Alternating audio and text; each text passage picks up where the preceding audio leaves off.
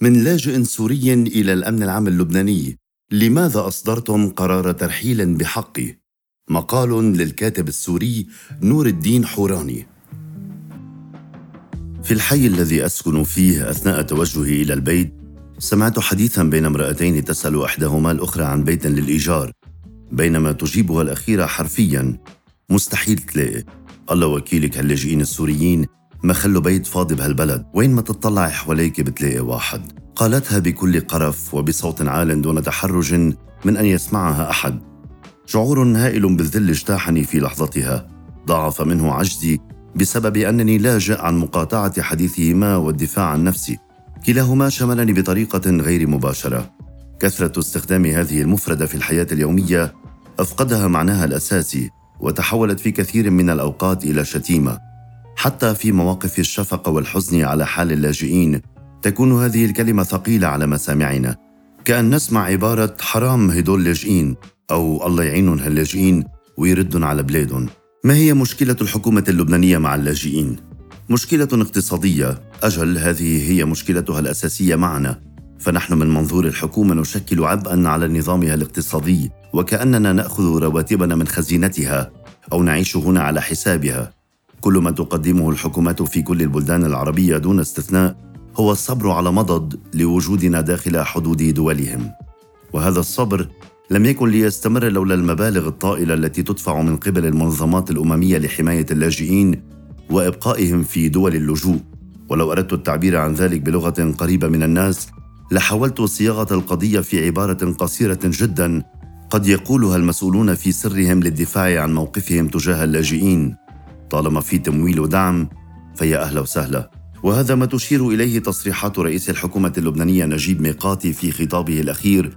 وقد بدأنا نلحظ ترجمته الواضحة على الأرض من خلال حواجز مكثفة لاستخبارات الجيش والقوى الأمنية تعمل على توقيف اللاجئين السوريين واعتقالهم بذريعة عدم امتلاكهم أوراقا تثبت إقامتهم الشرعية في لبنان. وهذه المرة تتضح المخاوف من تطور أهداف هذه الحملة وصولا إلى عملية الترحيل القسري أي تسليم مواطنين سوريين هربوا من نظام بلادهم الذي لا يفهم سوى لغة الاعتقال وإعادتهم إليه. وقد حصل ذلك فعلا منذ عدة أسابيع حيث قامت القوات الأمنية على الجانب السوري باعتقال 14 شابا عادوا إلى سوريا طواعية معتقدين أن النظام السوري سيفي بوعوده المتعلقه بعدم المساس بالعائدين إلى حضن الوطن. لنتحدث صراحة طالما أن الأمور صارت بكل هذا الوضوح وعدم الاكتراث. فيما يخص قضية اللاجئين السوريين على وجه الخصوص في لبنان هذه القضية لا يخفى على أحد كيف تحولت منذ السنوات الأولى لاندلاع الثورة والحرب في سوريا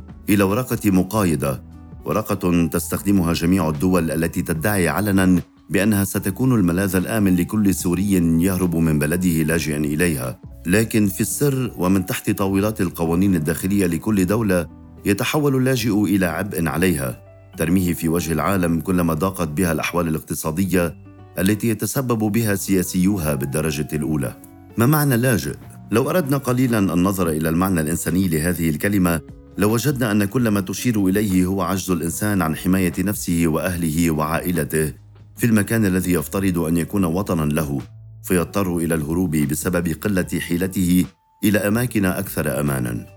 في هذه الحالة هو يلجأ أي بمعنى يستجير بمن يظنهم سيؤمنون جزءا مما فقده في وطنه أو بين أهله.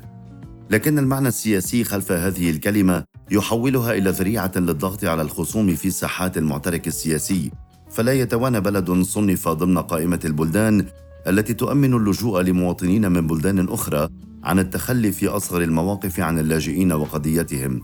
ولو أردنا الدخول في التفاصيل الدقيقة للحياة الاجتماعية التي يعيشها اللاجئ لوجدنا أن معنى كلمة لاجئ يختلف حسب السياق الذي يتم ذكرها فيه. وأنا كسوري لاجئ لمست جميع المعاني التي أشير بها إلينا بدءا من الأسلوب الذي تلفظ به هذه الكلمة وصولا إلى إدراجها في الخطابات السياسية لتتحول إلى مفردة لا تدل سوى على التحريض ضدنا للوصول إلى صفقات سياسية لا تخفى على أحد. وهذا ما لمسناه في الخطاب التحريضي الأخير لميقاتي الذي دعا فيه إلى إعادة اللاجئين السوريين إلى سوريا. لماذا لا يملك أغلب السوريين في لبنان اوراقا رسمية وإقامات شرعية؟ من خلال العودة إلى الوراء قليلا وتحديدا إلى العام 2015 حيث صدر وقتها حسب مركز وصول لحقوق الإنسان قانون يقتضي تعديل شروط خروج ودخول السوريين من وإلى لبنان. سنجد أن اللاجئين الذين دخلوا إلى لبنان بعد ذلك العام يخضعون لقوانين تعجيزية للغاية في محاولة استحصالهم على إقامة قانونية حيث فرضت المديرية العامة للأمن العام اللبناني على اللاجئين سياسات وشروطا بالغة القسوة والتعقيد غير متناسقة وشبه مستحيلة التنفيذ لحصولهم على أوراق إقامة قانونية. ما يجعلهم أكثر عرضة للتهميش والاستغلال وتعريضهم للعديد من الانتهاكات الأخرى.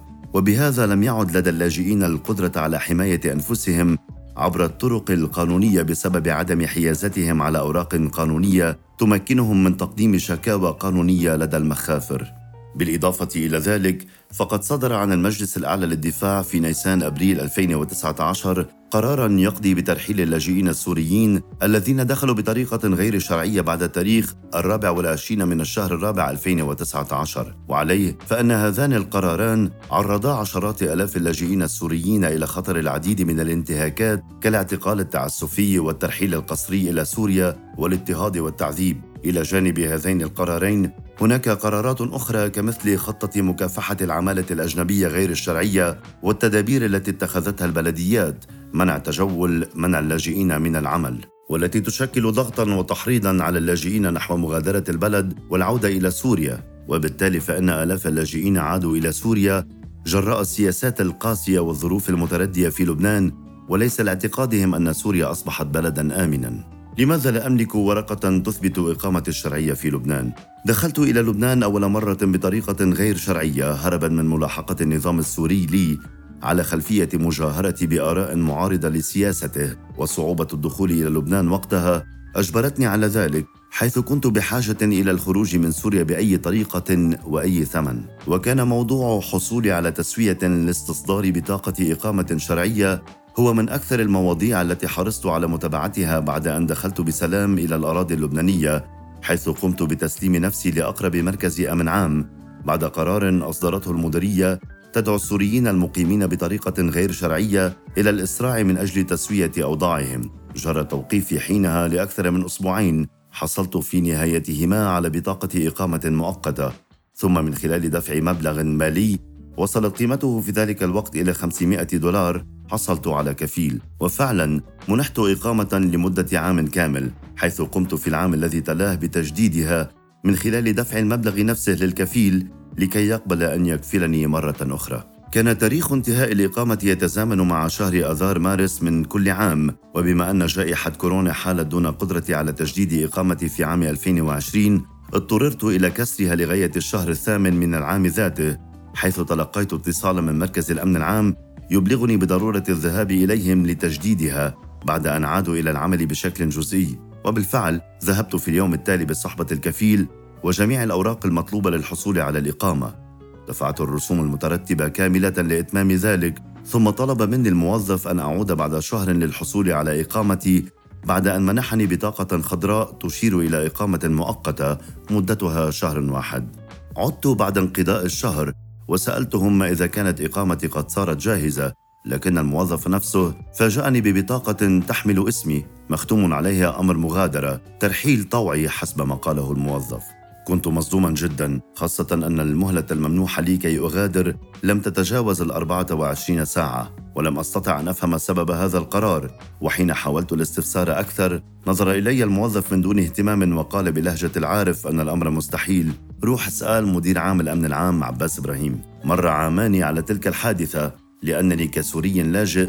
لا يمكنني العودة إلى سوريا ولا بلدان أخرى تسمح للسوري بالدخول إليها سوى بدفع مبالغ مالية يصعب جدا في هذه الظروف تأمينها. وما زلت أقيم بلا أوراق شرعية سوى بطاقة أمر المغادرة التي لا أجرؤ حتى على حملها في جيبي. منتظرا الفرصة المستحيلة لمقابلة مدير الأمن العام اللبناني اللواء عباس إبراهيم لأسأله عن سبب أمر الترحيل الذي صدر بحقي هناك قرار بترحيلي رغم تقديم الأوراق المطلوبة كاملة للحصول على الإقامة مستوفيا كافة الرسوم المطلوبة لإتمام ذلك مع العلم أن مئات السوريين في لبنان حصل معهم الأمر ذاته.